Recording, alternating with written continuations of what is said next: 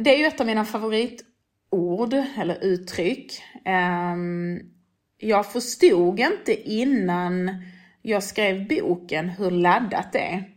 Det, är, eh, det kan, skapa, eh, kan faktiskt skapa obehag till och med.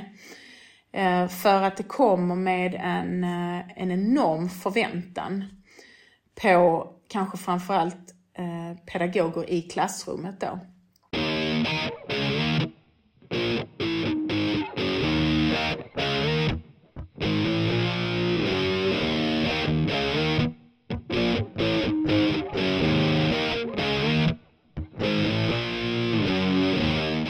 Hej och mycket välkomna till ännu ett avsnitt utav Gränslöst lärande. Idag ska vi prata om elever som utmanar oss. Hur gör vi? Som vanligt med mig Niklas Lind och Peter Hjelm. Varmt välkomna.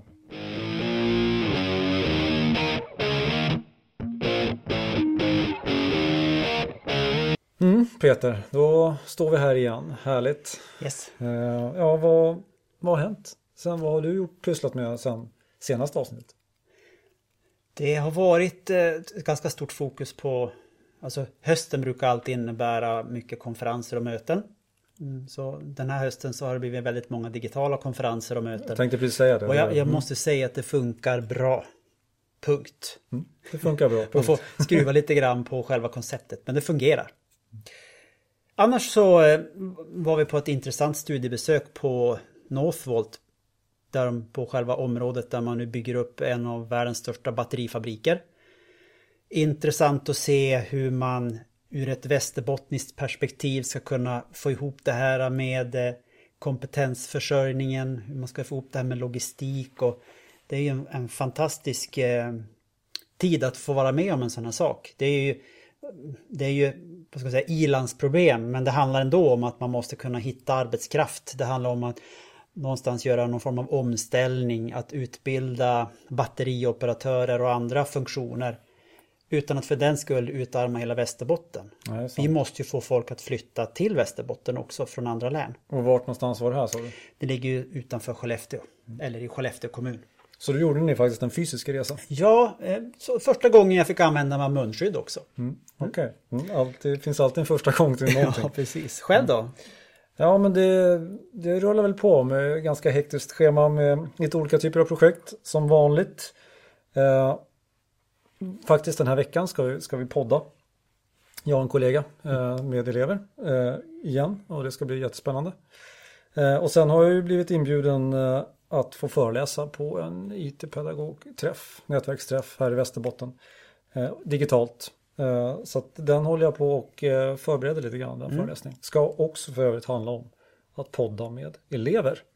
Så det, ja, det ser jag fram emot. Men det blir efter lovet så att uh, finns det fortfarande några veckor att förbereda sig. Men du, uh, på tal om att podda. Vi står ju här nu, du och jag fysiskt i studion. Ja. Men vi ska ju ha premiär. Vi ska ju ha vår första gäst som inte befinner sig i studion. Precis. Dels det att kunna få ihop ett program så att det funkar med eh, våran intervjuperson på länk. Mm. Eh, sen tycker jag det ska bli jättekul också. Det är våran, våran första gäst som kan titulera sig författare. Det är det också. Tror jag. Och, ja. eh, och ni som redan har tänkt till lite grann utifrån vad våran titel på avsnittet är så handlar det givetvis om Veronica Gustafsson som ja. har skrivit boken Elever som utmanar oss. Mm. Eh, för övrigt en mycket bra bok. Eh, läst bra. många recensioner och all. Det är samstämmigt. Mm. Eh. Jag håller med.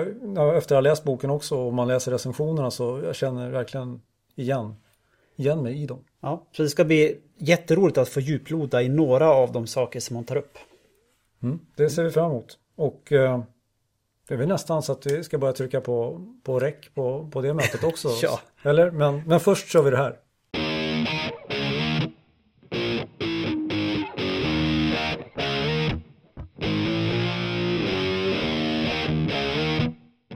Drygt 5 av barn och ungdomar i Sverige har någon form av neuropsykiatrisk funktionsnedsättning. En rad rapporter har visat på behovet av ökad kompetens i skolan i frågan om neuropsykiatriska svårigheter. Och det råder en bred enighet om att förskollärare och lärare bör få mer kompetens om detta. I syfte att säkerställa studenternas kompetens på området så inför regeringen nu förändrade krav på förskollärar och lärarutbildningarna.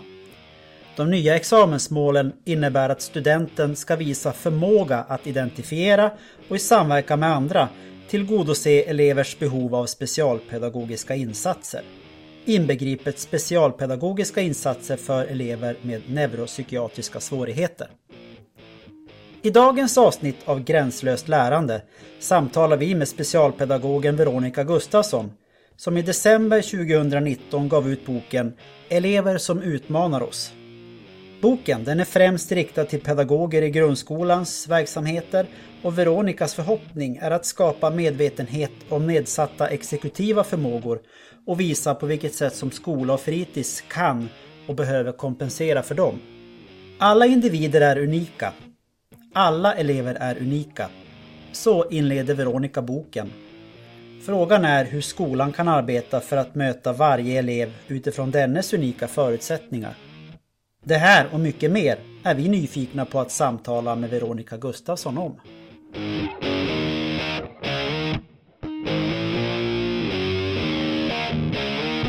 Ja, då är det dags att välkomna Veronica till våran eh, studio idag. Välkommen! tack så mycket! Tack, tack! Eh, du, Veronica Gustafsson, du är alltså lärare, specialpedagog, föreläsare och numera också författare till boken Elever som utmanar oss. Stämmer det va? Det stämmer. Mm, det stämmer.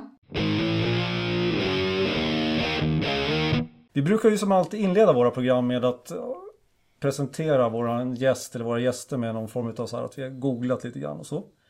Och, ja, jag förstått det. och, go och googlar man ditt namn så kommer det ju upp väldigt mycket kopplat till din bok naturligtvis. Ja. Eh, det är ja. väldigt intressant ändå att läsa alla recensionerna som har dykt upp och från alla möjliga håll och kanter i hela landet. Det är ju unisont mm. väldigt fina omdömen av boken. Jag är väldigt stolt är jag. Det känns, eh, känns spännande. Ja, jag förstår det. Det, det, tycker jag att du ska mm. vara. Eh, så det kan man ju säga att boken verkar ju ha verkligen slagit väl ut. Om man ska gå på de recensionerna. Men om vi ska gå vidare lite grann i den här äh, presentationen så du är en extrem djurvän också. Äh, ja, kom det fram när ja, ni googlade? man kan googla på olika sätt. Vet du. Äh, men var kommer den här, det här, var kommer det ifrån? Uh, du, det vet jag inte. Det har alltid funnits med mig. Verkligen. Det har, uh, det har alltid varit ett väldigt, väldigt stort intresse. Uh, djur av alla de slag. Jag hade föräldrar som lät mig testa det mesta. Uh, så nej, jag har alltid dragits till djur. Jag tycker de är fantastiska liksom, varelser. Vi har jättemycket att lära av dem faktiskt. Mm. Mm. Eh, så att, eh, nej, jag vet faktiskt inte vilken bra fråga. Det har jag inte tänkt på. Var det kommer ifrån. Och sen eh, det som verkligen sticker ut är ju det här, det här extra knäcket. Stickprovskontrollant i möbelbranschen. Det, det, det, den skulle jag gärna vilja höra lite mer om. Stickprovskontrollant i möbelbranschen? Nu får du utveckla här. Ja men visst är det så att du, eller var så att du hade varit på ett besök i, i ett möbelvaruhus vid ett specifikt tillfälle. Och blev tagen som en, en eh, stickprovskontrollant. Nej du, det har jag ingenting om. Ännu en gäst som har förträngt. ibland vet Google mer ja, än själva precis, gästerna vet exakt. om sig. Ännu en gäst som förtränger eh, fina minnen. Ja, det får det nog lov att vara då i så fall. Jag vet faktiskt inte riktigt vad det är. Ja, vi får nog undersöka vidare. Ja, vi får göra det kanske. Ja, det får vi göra. Inga toabesök, ja. det var stängt på toan eller det fanns... Ah, åh oh, nej! Herregud, hur har ni hittat detta? Ja, jo det stämmer. Eh, Ja, det var, vad heter den? XXXL Lutz, ja nu kanske vi inte ska nämna namn här, men det var en, en väldigt stor möbel, och eh, herregud vad imponerad jag är. En väldigt stor möbelbutik eh, som skulle öppna i Malmö. Och jag svängde förbi för att jag tänkte det var ju spännande, då kan jag gå in där och titta vad de har och tänker att jag också ska använda toaletten. Så jag eh, vandrar omkring där inne, tycker jag ser lite kunder och sådär och ja, gör vad jag ska. Och sen när jag kommer ut så är det lite folk som stoppar mig och frågar vilken avdelning jag jobbar på och sådär. Nej, jag jobbar inte här, jag är kund. Men då visar det sig att det här eh, de har inte öppnat den utan de håller fortfarande på att eh, installera. Och jag vet att jag reagerade på, jag tyckte det var konstigt att det inte fanns något ljus på toaletten bland annat. Eh, kan också vara så att det inte fanns något toalettpapper. Jag tyckte det var lite dåligt utrustat men eh, det hade sin naturliga förklaring för de hade nämligen inte öppnat. Skulle öppna först om två veckor. Okej. Mm. Ja. ja, det var en liten uh, udda, udda story. Ja, det var det verkligen. Ja men du Veronica, är du redo att gå in på själva intervjudelen då? Vi kör! Då tänkte jag, kan du berätta lite om din bakgrund inom skolan? Mm. Eh, jag eh, är svenska och engelsklärare i grunden. Ehm, 4 till 9 hette den utbildningen som jag utbildade mig till. Eh, och eh, visste eh, innan jag påbörjade min grundutbildning att jag ville bli specialpedagog, så det var ett ganska strategiskt val. Jag visste att jag ville jobba med Eh, Eh, med eh, barn och ungdomar och jag visste att jag också kommer att jobba med elever som eh, är i behov av något slags stöd. Så svenska och engelska kändes som ganska naturligt val av ämnen, kärnämnen och så. Så jag gick min utbildning och valde sen att söka mig till en arbetsplats där jag visste att jag skulle få jobba med det som som senare skulle komma att bli min, eh, vad ska man säga, min eh, profession. Så jag jobbade på en, eh, eh, eh ja, en eh, friskola där elever med någon slags NPF-diagnos eller flera diagnoser eh, gick. Så det var en liten, liten skolenhet. Och, eh, men då jobbade jag som undervisande lärare, men eftersom det var en sån liten skolenhet så, så gjorde man det mesta Så man eh, behövde göra där och då. Och eh, det var, eh, ja, det var en fantastisk erfarenhet. Jag jobbade där i tre år och eh, blev liksom inslängd i verkligheten av eh, säga, NPF-diagnoser, vad det innebär för, eh, för individen, för familjer, för skolsystemet och så. Så det var jättespännande. Eh, men jag kände att det var för reaktivt. De barnen som kom till oss hade en väldigt, väldigt trasig skolbakgrund. Eh, de hade inte hamnat hos oss för att det var ett bättre alternativ utan snarare för att det alternativet som de hade befunnit sig i fram till nu helt enkelt var så dåligt. Eh, och så vill inte jag ha det utan jag vill att eh, alla elever ska kunna befinna sig i sin liksom, tilltänkta miljö bland sina klasskompisar, där familjen bor, där man har med sina kompisar och så. Så då sökte jag mig till en, vad ska man säga, inom situationstecken normal eh, skola. Eh, och valde då samtidigt att utbilda mig till specialpedagog. Mm. Men du, eh, eh, en, en liten fråga bara. Din väg mm. in i yrkeslivet känns ju fantastiskt spikrak. Vad, vad är det som...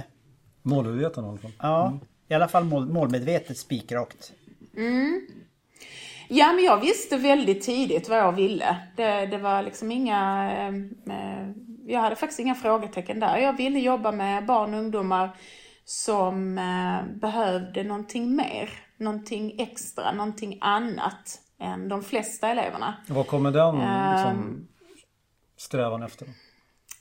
Ja du, det har jag funderat jättemycket på. Jag tror att det kan ha att göra med eh, personliga liksom, ja, relationer man har haft när man, när man har vuxit upp.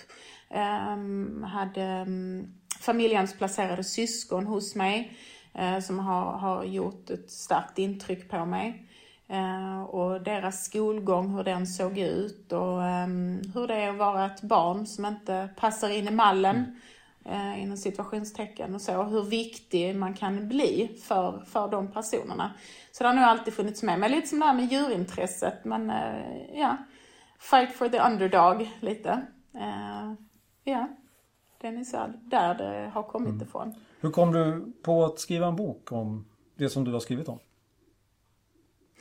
Ja, det, det var inte, absolut inte tanken att det skulle bli en bok. Jag gick på föräldraledighet 2014 och fick höra av många kollegor att Eh, ett så litet varnande tecken att du kommer glömma allting du, du någonsin har lärt dig. Eh, för att när du blir mamma så kommer det ta upp all din, eh, ditt fokus. Ehm, och det gjorde mig lite rädd, för jag tyckte att jag hade ju lärt mig ganska mycket på de där åren. Så jag valde helt enkelt att sätta mig ner och skriva ner allting mer i dagboksform eller minnesanteckningar och så. Det här ska jag komma ihåg när jag kommer tillbaka och det här var bra och det här lyckades jag med, det här behöver vi utveckla. Eh, så det gjorde jag när jag var hemma med min första son Billy och sen gick jag tillbaka och jobbade ett väldigt, väldigt kort tag. Så sen gick jag hem och var föräldraledig med min andra son och då fortsatte skrivandet. Eh, och sen var det faktiskt min man som tyckte att men det där kan ju andra också vilja läsa. Men eh, ja, jantelagen i mig sa att äsch, det är väl ingen som vill läsa det. Men eh, lyckligtvis så pushade min man mig eh, och, och, tyckte att det var tillräckligt intressant. Så att jag gick vidare till några förlag. Eh, och då var det ett förlag som tyckte samma som min man helt enkelt. Så på den vägen ja, är det. Bra. Mm. Du, I boken så får man följa ett antal karaktärer, eller elever ska vi väl säga. Mm. Och det gör den här boken mm. lätt att relatera till sin egen vardag när man jobbar som lärare. Mm. Alltså när i den här processen i själva skrivprocessen mejslades eh, det här fram? Alltså byggde du boken utifrån de här eller är det något som har kommit in senare i själva skrivardelen? Eh, nej, det kom in senare i skrivardelen. Jag hade väldigt mycket situationsbeskrivningar när jag skickade in mitt första manus. Eh, men det var inte alls så strukturerat som det blev i boken. Utan eh, beskrivningarna fanns med de flesta men det var väl inte knutet till, till de fyra individerna som det blev utan det var mer eh, det var någonting som växte fram under själva processen tillsammans med förlaget. Som vi tyckte att det var ett bra sätt att hänga upp informationen på. Ja, för jag tycker det, det ger ju boken verkligen kött och blod. Jag tror att de flesta som jobbar inom skolan som läser boken kan känna igen sig i Alltså nu vet jag att det här inte är fyra enskilda individer utan mm. det är ju som ihopslag. Men, men att man ändå kan känna igen sig i delar utav alla individerna tror jag. Och, och mm. situationer som kan... Ja, det är min förhoppning. Mm. Uh, och det är väl det också därför, vad ska man säga, det är därför har det blivit så kanske lite klichéaktigt att, att en av, av karaktärerna har vissa svårigheter, kanske ganska klassiska i sina svårigheter och, och nästa individ är lite klassisk i sina svårigheter och så. Så att man får väl eh, ja, men någonstans läsa lite mellan raderna. Men, men jag tycker ändå att jag fick in en, eh, en, en bra blandning av det. Jag, jag har ju stött på, och många av oss har ju stött på de här eleverna fast lite andra omskrivningar. Mm. Ja, det tror jag de flesta kan skriva under på. Du, inkludering är ju ett eh, spännande begrepp. Hur går dina tankar kring eh, när du hör det här begreppet? Um, det är ju ett av mina favoritord eller uttryck. Um, jag förstod inte innan jag skrev boken hur laddat det är. Det, är, det kan, skapa, kan faktiskt skapa obehag till och med. För att det kommer med en, en enorm förväntan på kanske framförallt eh, pedagoger i klassrummet då. Ehm, så min, min process i att skriva boken, men även när jag varit ute och föreläst och sådär, det är väl kanske att ta bort lite av den här eh, pressen eller stigmatiseringen kring begreppet inkludering. Ehm, googlar man inkludering så kan du också hitta, ehm, du kan hitta väldigt många olika definitioner på vad det faktiskt innebär. Och det jag har märkt är ju att bara på min arbetsplats när vi använder ordet eh, inkludering så menar vi ju inte samma sak här. Jag kan ju ha en kollega som jag är väldigt, väldigt samspelt med och vi tycker likadant och vi har samma grundläggande värderingar och elevsyn och kunskapssyn och sådär. Men det visar sig ändå att när jag säger att jag tycker att vi ska ha en inkluderande undervisning så menar jag någonting annat än min kollega.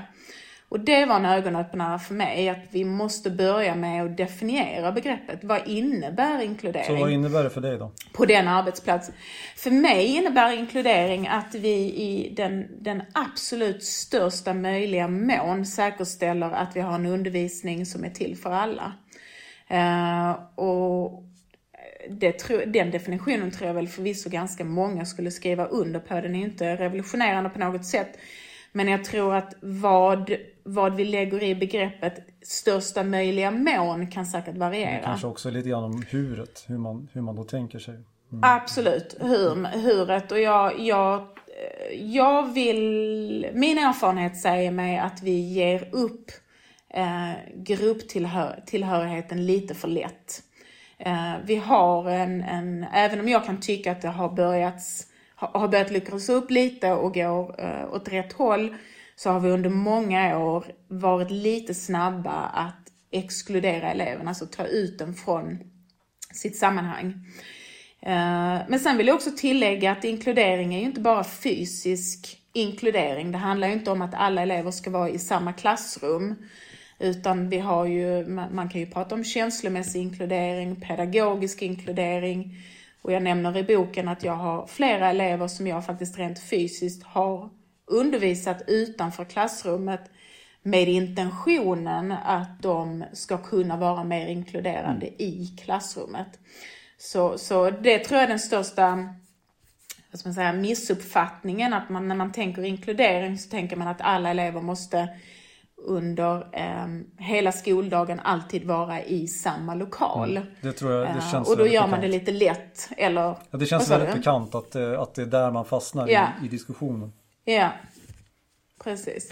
Så det är väl kanske det jag vill slå lite, slå lite hål på. Att man kan vara inkluderande även om man um, liksom stöttar en elev utanför klassrummet. Men Eh, Eh, jag vill ändå understryka att jag tycker att det är viktigt att det trots allt blir, eh, alltså att den hamnar ganska långt ner på, på listan av saker vi testar.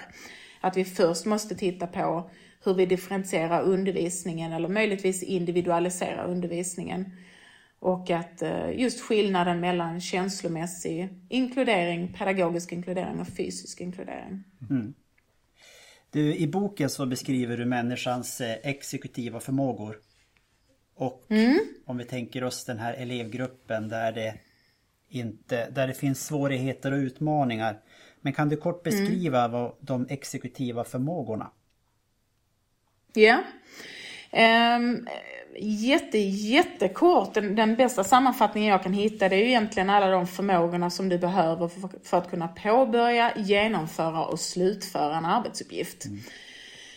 Uh, och när man väl bryter ner det i liksom i en, i en pedagogisk situation så inser man att det är ju ganska mycket. Eh, men saker som att komma igång, att arbeta, att utvärdera sitt arbete, att eh, göra om, göra rätt, ehm, att eh, stänga ute stimuli.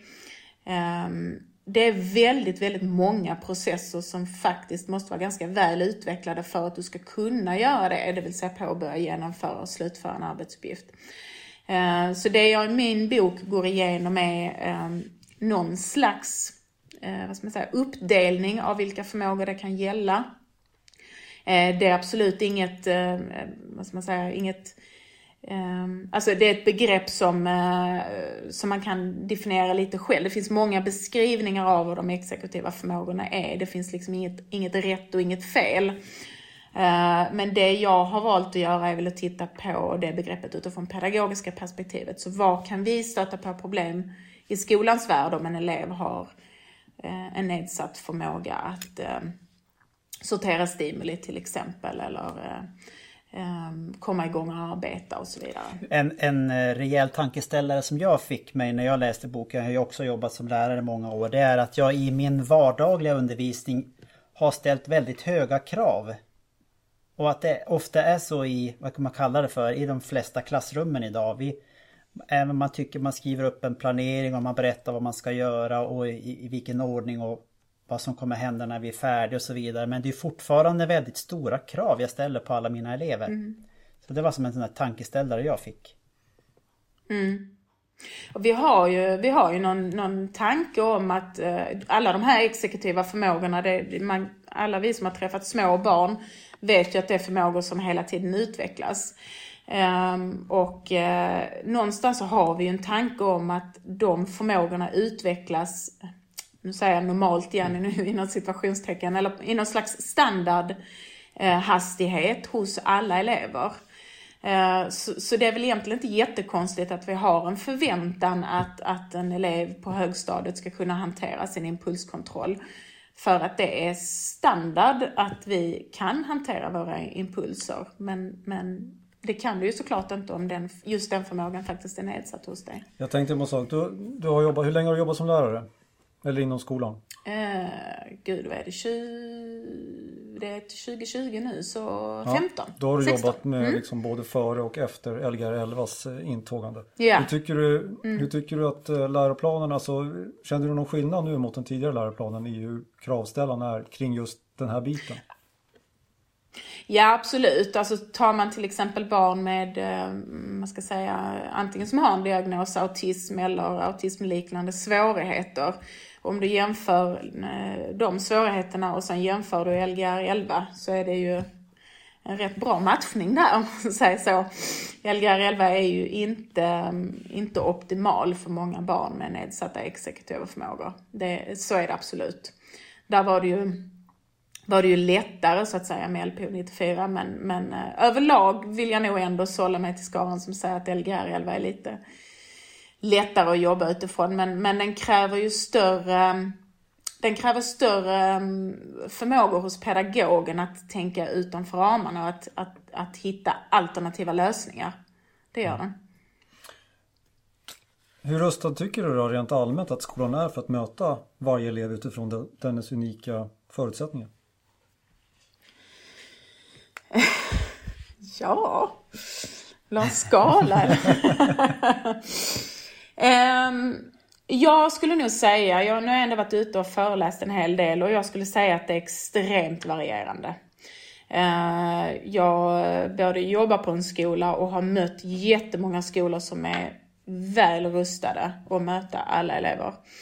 Ehm, men jag har också mött skolor där jag faktiskt blir lite mörkrädd. Eh, där man använder ja, eh, man beskriver elever på ett sätt som jag hade hoppats att vi inte eh, gjorde längre. Eh, så utvecklingspotentialen finns på många ställen. Eh, men jag kan också samtidigt se jag kan absolut se utvecklingen och det är väldigt roligt att höra för jag tycker att språket om eh, elever i, i behov av särskilt stöd har förändrats. Man pratar om, om dem, eller rättare sagt man pratar om svårigheterna på ett annat sätt istället för att prata om eleverna. Man pratar mer om utmaningarna som skolan har istället för att det är eleverna som har utmaningarna. Och där kan jag se en, en eh, utveckling som jag tycker är spännande. Mm. Ansvarsbiten där, att man har svängt lite grann, tänker du? Mm. Ja, precis. Mm. mm. Eh, vidare i din bok så lyfter du fram eh, Ross Green och eh, hans mm. Eh, samtalsmetod CPS. Och mm. i den här samtalsmetoden, nu blir det många förkortningar här men vi kanske kan bena ut det. Yeah. Så, så mm. användas av en ALSUP-modell. Mm. Kan du berätta kortfattat vad det där innebär? Mm. Eh, Ross Green har utarbetat en eh, metod som heter CPS, eh, som står för Collaborative Proactive Solutions, som egentligen är en, eh, en samtalsmetod, eller man skulle också kunna omskriva det som någon slags konflikthanteringsmetod. Eh, där man eh, tillsammans med eleven hittar lösningar och det är det som är så genialt med den här metoden. Det är egentligen inga Alltså när man väl har, har lärt sig använda den så är det inget revolutionerande egentligen. Men för skolans del är det det, för vi är ganska vana vid att eh, komma med de smarta lösningarna. Eh, vi ser ett problem, vi letar en lösning och vi, eh, ja, vi presenterar en lösning och sen så hoppas vi på att den blir bra. Det hans metod går ut på är att vi i skolan, vi gör en så kallad ALSUP eller ALSUP där vi gör en kartläggning av elevens eftersläpande färdigheter. Eh, och det kan ju tänkas ganska vad ska man säga, problemstyrt eller fokuserat. Eh, men det handlar också om elever som vi vill hjälpa eh, att utvecklas, de här eftersläpande färdigheterna. Det som är härligt med hans formuleringar tycker jag är just att man, han kallar dem för eftersläpande. Det vill säga det är ingenting som säger att vi inte kan utveckla dem. Ehm, det blir inte lika statiskt om man använder de, eh, de begreppen. Eh, och sen eh, när vi väl har ringat in eftersläpande färdigheter och har eh, formulerat ett så kallat olöst problem, det vill säga något, en specifik incident som vi skulle vilja använda som eh, ska man som startskott för diskussionen så eh, har man tillsammans med eleven ett plan B-samtal där man eh, Eh, helt enkelt presenterar eh, Eleven får lov att presentera, nu använder vi ord som angelägenhet och så, det kan man ju inte alltid göra när man pratar med mindre barn, men, men eh, där eleven får berätta varför det blev på ett visst sätt, om eleven kan det. Och jag försöker då att, att, vad ska man säga, fiska ut så mycket information som möjligt. Och sen får jag också lägga fram min angelägenhet. Så att det gäller i slutändan att hitta en eh, win-win-situation där eleven känner att den går därifrån med eh, en känsla av att det här kan jag genomföra, det här är liksom rimliga förväntningar. Och jag som vuxen har då liksom kunnat vara med och, och eh, styra samtalet men även vara så pass inlyssnande att lösningen som vi sen försöker oss på är rimlig och eh, hållbar. Eh, problemet med våra lösningar, alltså de vuxnas lösningar, eh, är många gånger att de bygger på eh, våra förväntningar på barnen. Eh, men det är ju förväntningar, precis som du sa innan, som de inte alltid kan leva upp till. Så det blir liksom inte hållbart om vi inte om de inte får lov att vara med att hitta en lösning. Det känns ju när man läser boken ju... som att det här är en modell som du, ja, som du tycker är rätt bra. Eh, ja. Använder ni den på er arbetsplats eller? Mm. Absolut, det gör vi. Satt eh, senast förra måndagen faktiskt och gjorde en sån här allsup med ett, ett lärteam då utifrån en elev och ska ha mitt sånt här plan B-samtal denna veckan. Så det är absolut en metod vi använder. Och inte bara själva metoden utan just att det har gett oss, eh, det har gett oss ett språk. Vi kan diskutera eftersläpande färdigheter, vi kan diskutera eh, Ehm, ett, ett eh, uttryck som han har eh, som ehm, är vuxenteori. Vi kan ha jättemånga, mycket, mycket kloka vuxenteorier, många kloka som jobbar kring barnen. Men bara att rama in det som en vuxenteori så sänder man ju också signalen att jag tror att det skulle kunna vara så här, men det är inte nödvändigtvis att det är så. Och det öppnar också upp för att man är mer mottaglig för andra alternativ. Eh, en fråga, om vi tänker oss elever som vi säger språkligt sårbara eller inte riktigt mm. äger ett språk. Fungerar mm. den här modellen då eller jobbar man på ett annat sätt med den typen av elever? Ehm, det är rätt spännande faktiskt för vi har eh, precis avslutat en fortbildningsperiod på vår skola här. Eh, så under två år så har alla i personalen fått en eh, fortbildning i CPS. Och då har vi valt att ha tvärgrupper. Så vi, I samma grupp så har vi alltså haft förskolepedagoger och eh, hela vägen upp till årskurs 9-pedagoger. Eh, och det har varit så otroligt givande diskussioner där just utifrån att vi möter ju barnen. Precis som du säger så kan man ha ett, ett alltså språket kan vara, vara eh, eh, ja, antingen så kanske de faktiskt har en språklig sårbarhet eller så är de så pass unga att de inte har det språket som förväntas av en. Och då har vi kunnat eh, anpassa samtalet, det här plan B-samtalet till exempel utifrån eh, åldern. Och det har varit otroligt givande diskussioner. Att man kan prata, man kan prata med barn som, som har en språklig utsatthet men ändå komma fram till gemensamma lösningar. Men det kräver ju såklart någonting annat av den vuxna. Peter, har du kommit i kontakt med den här metoden tidigare? Nej, det har jag inte gjort. Däremot så under min tid så jobbar vi mycket med ritprat och seriesamtal mm. också ja. som modeller.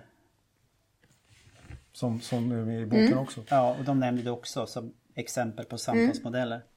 Men jag tänkte på um, Vad är din upp, uppfattning om, används den här modellen flitigt inom den svenska skolan? Eh, du, det har jag faktiskt inte någon direkt uppfattning om. Jag vet att i, i min kommun där jag jobbar så har vi på, på eh, förvaltningsnivå fått direktiv om att vi ska använda den. Eh, och vi har också i kommunen ehm, utbildade eh, CPS, ehm, nu vågar jag knappt säga vad de ska kallas för kanske jag säger fel, men de är i alla fall utbildade direkt av Ross Green och har då blivit certifierade i att få lov att ut, utbilda i metoden. Så vi satsar väldigt mycket på det i vår kommun och jag hade önskat att det fanns fler kommuner men jag vågar faktiskt inte säga hur, hur utbrett det är i Sverige. Men din upplevelse i alla fall att du känner att, att, det, att det har gett effekt? Oh ja, absolut. Eh, det tycker jag. Att, att att bjuda in eleverna till ett samtal där de får vara delaktiga både i diskussionen och lösningen, det, det säger ju sig självt att det är framgångsrikt. Men jag tror att vi som vuxna vågar, eh, vi måste våga släppa rollen som eh, allvetaren eller, eller den som ska komma med lösningarna. Och det, det är lite jobbigt faktiskt i början att sitta med en elev framför sig som man kanske dessutom haft en konflikt med och bjuda in och säga du vet vad det här blev ju jättetokigt, hur ska vi tänka nästa gång? Och det kräver ganska mycket av dig som, som vuxen och som pedagog att, att vara så prestigelös i det mötet. Så att metoden låter lätt men det betyder inte att det alltid är lätt i, i situationen och det ska man ha respekt för också. Mm, absolut. Men hur tänker du rent allmänt att din bok ska komma till användning då i, i vardagen? Um, ja, um, vilken himla bra fråga i vardagen. Jag hoppas ju att man um, min hjärtefråga är ju inkludering och bemötande. Det, det, det är de sakerna som jag, som jag hoppas jag lyckas förmedla genom boken. Att, att eh, just det här att våga ha ett, ett öppet sinne, våga bjuda in, våga se det som som eh, eftersläpande färdigheter snarare som att eh, barn på något sätt har någon annan agenda, att alla barn vill lyckas eh, men har inte alltid förmågan att göra det. Och att, att genom att bemöta de här barnen på ett visst sätt så, så kommer vi också få ett annat gensvar. Och det är väl det är nog den, eh, som säga, den grundtesen som jag hoppas Eh, Eh, boken kan användas som i, i diskussioner i lärteam kanske, eller arbetslag eller vad man nu väljer att kalla det. Tänker mig också att det kan vara en ganska bra introduktion för eh, nya lärare, tror jag, just det här med eftersläpande, eller förlåt, eh, exekutiva förmågor. Att man har koll på det redan när man kommer in i skolan, att det är de här färdigheterna som, eller förmågorna som eh, som vi behöver för att kunna vara, liksom, utföra jobbet i skolan och, och de kan ibland vara um, eftersatta och det behöver vi ta hänsyn ja, till. Boken känns ju som, som gjuten egentligen till lärarutbildningen måste jag säga. Det var min känsla när jag mm. läste den att den här borde ju alla som utbildar sig till lärare läsa. Eller pedagoger. Ja. Eh, just för att eh, man, när man väl kommer ut så, så stöter du på mycket av det här som mm. boken tar upp. Och dessutom också Absolut. som du tog upp med Alltså hur, hur, hur du vill att man ska, vad man säga, tänka lite grann. Det handlar ju om, jag menar, titeln på boken är ju utman, elever som utmanar oss. Det, det här är ju en konstruktiv, det är en konstruktiv titel och hela boken är ju konstruktivt upplagd. Så att eh, också med den, att få den elevsynen eh, är ju viktigt, tänker jag. Mm. Ja, men du, den här boken släpptes 2019, eh, stämmer det? Det stämmer. Yes. Ja. Det stämmer. 6 december. 6 december. Precis. Strax före pandemin bröt ut. Mm. Ja, precis. Jag hann föreläsa några gånger innan det stängde Ja, det var, det var som en fråga vi hade också lite grann. Alltså mm. effekten av boken och eh, efterfrågan i, i landet. Men du säger att du hann mm. med några föreläsningar i alla fall.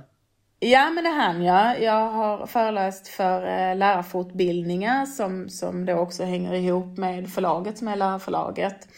Uh, och där hade jag möjlighet att, att eh, liksom inkorporera boken i de föreläsningarna utifrån mm, den frågeställning som de hade eller den eh, uppdragsbeskrivningen som jag hade.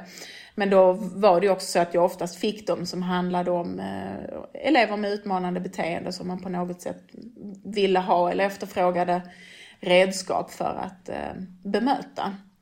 Um, så att det hann jag med några gånger men sen Sen stängdes ju det ner och sen... Du har inte kört några ehm, digitala föreläsningar? Kände jag också att... Du har inte Förlåt, kört några digitala föreläsningar?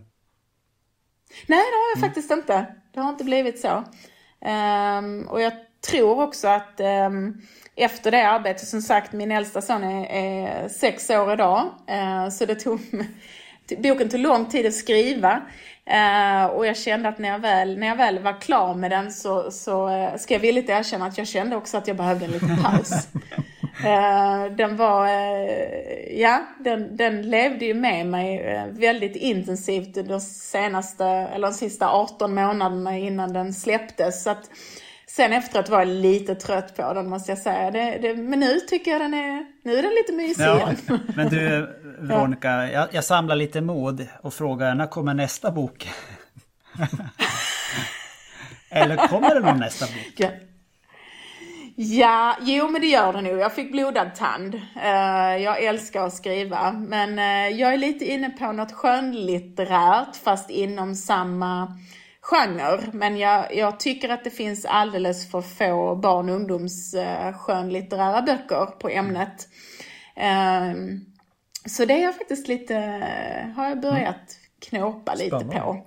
Och sen har jag också blivit, gått och blivit fotbollstränare till min son och jag har märkt att, och jag vet ju sen innan att just eh, den, den efter skolan verksamheten, eh, tyvärr är det många av de här barnen som, eh, som faktiskt inte orkar med.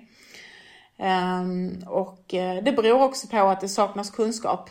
Eh, det är oftast eh, föräldrar som som lägger sin egen fritid och så för att stötta fritidsverksamheten och så. Så att det är inte heller en rimlig förväntan att lägga på vårdnadshavare. Men jag tycker att i, i, i den världen när det gäller både sporter och andra fritidsverksamheter så behöver vi utveckla kunskapen mm. där. Det är nästan ett program i sig men jag har ju samma känsla av att vi idag är många barn som eh, slås ut eller man, man slutar med idrotten på grund av att det finns en okunskap hos eh, idrottsledare idag. Ja. Eh, det finns ingen som gör Absolut. någonting av vett och vilja men okunskapen leder till att Nej. vi inte kan möta upp de här barnen utifrån deras unika förutsättningar och var de befinner sig utvecklingsmässigt. Och det tycker jag är oerhört tråkigt. Det är jättetråkigt ja och det finns, uh, finns uh, liksom hård, hård, fakta på det. Uh, så det vet vi att det är så. De slås ut ganska tidigt. Och det har jag alltså, stor personlig erfarenhet av också. Att eleverna börjar antingen, ja, men oftast någon sport och, och möter inte, eller har, får inte samma bemötande där som de förhoppningsvis får i skolan och då slutar de helt enkelt. Och det är, det är förödande, mm. verkligen. Så där kanske är en bok också. Ja, du har ju fullt upp med skrivandet framöver, det hör vi det. ja. Du kanske blir författare på heltid. Ja, kanske, kanske det. Säg mm. inte det.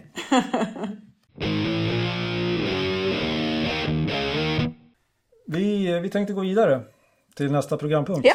Eh, som nämligen är gästlistan. Och eh, vi mm. gav ju dig ett, eh, ja, men ett litet uppdrag inför den här inspelningen. Mm. Eh, utifrån dina egna erfarenheter, eh, lyft fram tre saker som eh, du tycker är extra viktiga för att få till en konstruktiv kontakt, fungerande relation med vårdnadshavare. Mm. Och jag skriver ju lite om det i boken, men det behöver jag inte upprepa här. Men, men om jag skulle sammanfatta de sakerna så tycker jag det är den absolut viktigaste är ödmjukhet. Ehm, vi i, vi i skolan har, ehm, vi har vårt perspektiv, eh, vi har våra eh, förväntningar. Eh, det finns också förväntningar på oss att vi ska klara av vårt arbete och lyckas inte vi med vårt arbete så skapar det en stress hos oss. Och, och det kan vi ibland faktiskt överföra på föräldrarna. Föräldrarna i sin tur sitter också på en önskan om att ehm, Eh, att barnet ska må bra såklart och, och göra bra ifrån sig och, och så. Så att jag, jag tänker ödmjukhet inför att vi har båda en, eh, eh, alltså vi har ett gemensamt uppdrag. Jag brukar säga att jag är expert på skolan men du är expert på ditt barn. Eh, och ingen av oss kan göra det här ensamt utan vi, vi, vi måste samarbeta för att det här ska bli så bra som möjligt. Så ödmjukhet inför att det, det kan vara en tuff uppgift. Den andra saken skulle jag säga är eh, saklighet. Att man är tydlig, eh, att man pratar om eh, händelser eller incidenter eller eh, saker som händer snarare än att man problematiserar ett barn. Och, och tillskriver barnet personligheter som, som eh, kanske inte är så smickrande. Utan att vi alltid, för att använda Ross Greens ord igen, vi förutsätter alltid att alla barn vill lyckas. Eh, och gör de inte det så behöver vi hjälpa dem. Eh, vi behöver lära dem det. Så saklighet och inte eh, på något sätt tillskriva barn personligheter som inte är smickrande. Sen den tredje skulle jag säga att vi är lösningsfokuserade. Vi måste, vi måste blicka framåt. Vi, vi vet redan vad som inte fungerar. För nu tänker jag mig att vi pratar Eftersom hela min bok går ut på elever som utmanar så pratar vi om elever som utmanar. Mm. Och då, då har vi ju antagligen ett, ett problem att utgå ifrån och då, då är det viktigt att inte fastna i det utan hur går vi vidare? Hur förebygger vi det framför allt? Eh, för att säkerställa att det händer så få gånger som möjligt framöver. Så ödmjukhet, saklighet och lösningsfokus skulle jag nog vilja säga. Mm. Snyggt och prydligt paketerat Peter, eller vad säger du? Ja, verkligen. Mm. Men jag tänker vi ska passa på för alla lyssnare som inte ännu har läst boken. För du nämner mm. ju även de här barnen, eleverna som utmanar oss. Det är ju även de som gör oss till bättre lärare. Bättre pedagoger. Absolut. Ja, ja det är Jag det. ville bara ha det sagt. Mm. För ut, ut, jo men verkligen, utmana, alltså du utvecklas ju inte om du inte utmanas. Mm. Uh, så självklart är det så. Jag hoppas att, uh, att man läser um, förordet där så att man tar det med sig. Exakt. Ja. Och sen var det nästa uppgift som, du, som vi gav dig. Det var ju det är förslag på gäst till vårat program. Ja, ja. Och det skrev jag ju tillbaka till dig att gud vad svårt. Inte för att jag inte har någon utan det, för att det finns så himla mm, många. Du var ju nyfiken. Men eh, jag, ja, eh, men den som jag faktiskt vill lyfta fram just här och nu. Det var det, kanske för att det ligger nära i tid men också för att jag tycker att det är ett, ett otroligt spännande perspektiv och det är Alexander Skytte. Eh, och han har precis släppt en bok som heter Pojken med extra allt. Hur lärare kan möta ADHD och autism. Och den här ehm, eh, Alexander har själv en, ehm, en eh, dubbeldiagnos, ADHD och autism. Och eh, hade en tuff skolgång på många sätt och vis. Men valde att bli lärare. Kan ni tänka er den 5 ettan De erfarenheterna eh, tar han med sig in och blir lärare. Eh, det är en jättehäftig kombination för man får ta del av hans erfarenheter. Både de som var lite tuffa men även de som blev lyckade. Och hur man kan tänka som lärare. Han har också ett, ett, ett härligt sätt att beskriva det för han kan också se per, alltså, vad ska man säga, pedagogens perspektiv i situationen så han är också ödmjuk inför att det är en svår uppgift ibland i ett klassrum. Men han ger en eh, han ger en förklaring för eh, varför det blir som det blir ibland och den förklaringen är det inte alla som kan, kan leverera utan att eh, liksom snubbla. Men det gör inte han. Eh, han har ett, eh, ett exempel väldigt, väldigt kort där han berättar hur han, den här klassiska, drar ut stolen, eller rätt sagt han drar undan stolen från en klasskompis som ska sätta sig. Och den, jag tänkte säga, den har vi väl alla varit med om, men det har vi kanske inte. Men, men vi har säkert sett den i alla fall någon gång. Eh, och eh, som vuxen tycker man ju detta är eh, fasansfullt för att vi kan se konsekvenserna av vad som kan hända men han ger ett helt annat perspektiv och kan även ge liksom en känsloregistrering kring den här händelsen som var Ja, och då tycker jag ändå att jag är ganska inkännande när det gäller eh, elever som, som gör saker som man kan tycka är lite tvivelaktiga ibland. Men han tar det till en annan nivå. Så att jag hade gärna hört honom eh, prata mer om sina, sina erfarenheter. Låter spännande. Mm. Vad säger du Peter? Ja, verkligen. Mm. Alexander Skytte. Mm. Precis. Du, eh, finns det något annat i, från din bok som du tycker vi borde prata om? Nu när vi ändå har dig på tråden. Um, gör det det? Nu har du chansen att verkligen trycka på något. Ja precis, nu här, då har du 60 sekunder på dig. Nej, jag men, tänker så här eh, Veronica, vi, vi har ju inte pratat så mycket om organisation och, och eh, stödfunktioner runt eh, den här elevgruppen. Finns det något du kan nämna Mm. där? Absolut. Ehm, och, det nämner jag också flera Ja. gånger i boken. Jag tänker att en av anledningarna till att eh, vi ibland hamnar i en eh, motpolsdiskussion när det gäller inkludering till exempel. Det är ju för att många pedagoger känner sig ensamma i uppdraget. Att de känner att det åligger dem att bakom stängda dörrar eh, reda ut den här situationen själv. Och det vill jag ju verkligen understryka att så är ju inte fallet. Vi har ju, varje skola har ju en elevhälsa men vi har också en, en ledning som, som har det yttersta ansvaret. Och som undervisande pedagog har jag ju ansvaret att förmedla till min, min eh, chef att det här reder jag inte ut, det här blir inte bra. Och sen har ju då också elevhälsan och ledningen ett, det yttersta ansvaret att, stötta pedagogen. Eh, så det, det är väl också en av de sakerna som jag har velat prata ganska mycket om. Att som pedagog så får man inte känna sig ensam. För de här eleverna behöver vi vara många och vi behöver vara flera professioner kring dem. Specialpedagogen är en men, men vi behöver absolut både skolkuratorer, eh, skolsköterskor och skolpsykologer också. Så mm, viktigt. Mm. Ja. Jag tror med detta så tackar vi så jättemycket för att du vill vara med. Det är jag som ska tacka. Det var jättespännande. Tusen tack. Tack själva. Hej då!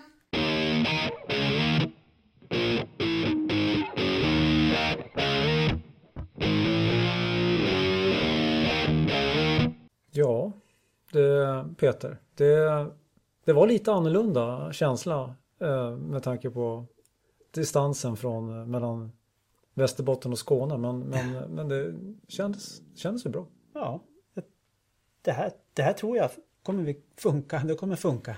Ja, det är känslan i alla fall. Ja. Så får vi se om vi får ihop allt annat runt omkring. Men det var väldigt intressant samtal eh, om vi går in på det. Mm, det var det verkligen. Jag fastnar jättemycket för eh, de här tipsen som hon lyfter fram när det handlar om Gästlistan, Ja, gästlistan, exakt. Alltså hur får man till en konstruktiv fungerande relation med vårdnadshavare? För vi vet att de här vårdnadshavarna kanske oftast går omkring med en, en känsla av att inte räcka till eller att man gör fel eller så hamnar man i ett läge där man eh, har taggarna utåt. Och att vi inom skolan där har ett jättestort ansvar. Vi måste jobba mer med ödmjukhet. Mm. Det handlar om saklighet också när man nu ska ta de här kontakterna. Ja, framför, alltså, då kan jag tänka mig framförallt att, att man har själv gått ner på en nivå där man känner att man kan vara saklig så att man inte tar samtalet i fel läge, hur man själv, var man själv befinner sig i för känsloläge. Nej, precis. Och sen att man är lösningsfokuserad också. Precis. Men jag tror oftast det som händer i skolans värld är att vi eh, generellt är Speciellt de här eleverna som verkligen behöver höra vad som funkar bra. Det är för sällan man ringer hem och berättar att idag kom Kalle till skolan och han var jättepigg. Det syntes att han hade ätit bra och sovit bra. Mm. Ja, och Veronica trycker ju på det i boken också, att det är viktigt. Jag, ja, jag har faktiskt provat det vid något tillfälle själv. Skulle ha gjort det många gånger fler än vad jag gjort. Men man har testat det och man känner att det, det är faktiskt, det blir inte, man vet att jag kan tänka mig att som, som vårdnadshavare att man känner att det inte varje gång man ser att nu ringer skolan och nu är det elände. Och en klump i magen. Nej. Precis. Ja, jag reflekterade mycket och det sa jag ju under samtalet också, eller intervjun med Veronica, att man känner igen sig själv och vilka... Alltså, man har inte alltid varit perfekt märker man. Det är ju ingen i och för sig Nej, men det viktiga det- är väl att man reflekterar om det. Precis, och utvecklas Mm. i det. Det tror jag också. Sen så tycker jag väldigt mycket om hennes sätt att prata om inkludering, så här rent allmänt. Eh, För begreppet är stort och det är mycket friktion i det begreppet och man läser in väldigt mycket olika saker i vad, vad det betyder. Men jag tycker att hon för, ett ganska, eller för ett väldigt sunt resonemang kring inkludering Mm. och vad det innebär och hur man ska lösa olika saker. Och att man kanske på en skola eller en enhet, man kanske ska prata öppet om det. Vad tänker vi? Vad lägger vi in i värderingen eller i begreppet inkludering? För vi har, vi har olika syn på vad det faktiskt är. Man kanske måste börja med att man har någon form av gemensam syn. Mm. För att kunna jobba bättre. Ja, absolut. På en enskild arbetsplats så bör man nog ha det för om man ska kunna nå, nå i mål med inkludering överlag.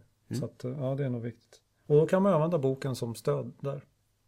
I de samtalen. Ja. Sen så fastnar jag också mycket för, eh, eller mycket, men jag- blev nyfiken. Eh, Hon, säger någonting om att hon vill skriva lite mer skönlitterärt kopplat till, till det här ämnet. Ja. Och det, det föder ju en del lite nya tankar. ja. Jag vill läsa en bok om någon nutida Emil i Lönneberga. Nej, alltså inte en kopia men. Nej, alltså, precis. Eller en Pippi Långstrump. Mm, exakt. Uh, nej, men jag tror jag kan också vara ett väldigt intressant sätt att få in NPF i den allmänna vardagen på något sätt. Mm. Så att, eh, nej, det Känner ingen press nu Veronica men eh, vi, vi, Vi väntar. Vi är nyfikna. ja, hade du något annat eller?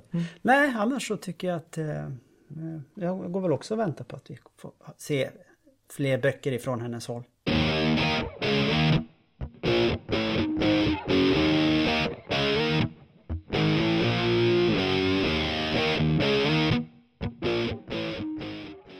Ja, men eh, och då börjar det dags att knyta ihop den här säcken Peter, eller vad säger du? Mm. Eh, och återigen vill vi bara påminna om att eh, följ oss gärna via Instagram. Eh, granslostlarande. Granslostlarande som sagt. Eh, vi har fått flera, många nya följare och det är jättekul att det, det verkar vara Mm. fler och fler som, som upptäcker oss. Ja, och det gillar vi. Eh, ja, det gillar vi och eh, allt fler lyssnar också. Så att, eh, jättekul. Eh, och ja, tack så jättemycket för den här gången Peter. Tack. Tack detsamma. Vi hörs. Vi gör så. Hej.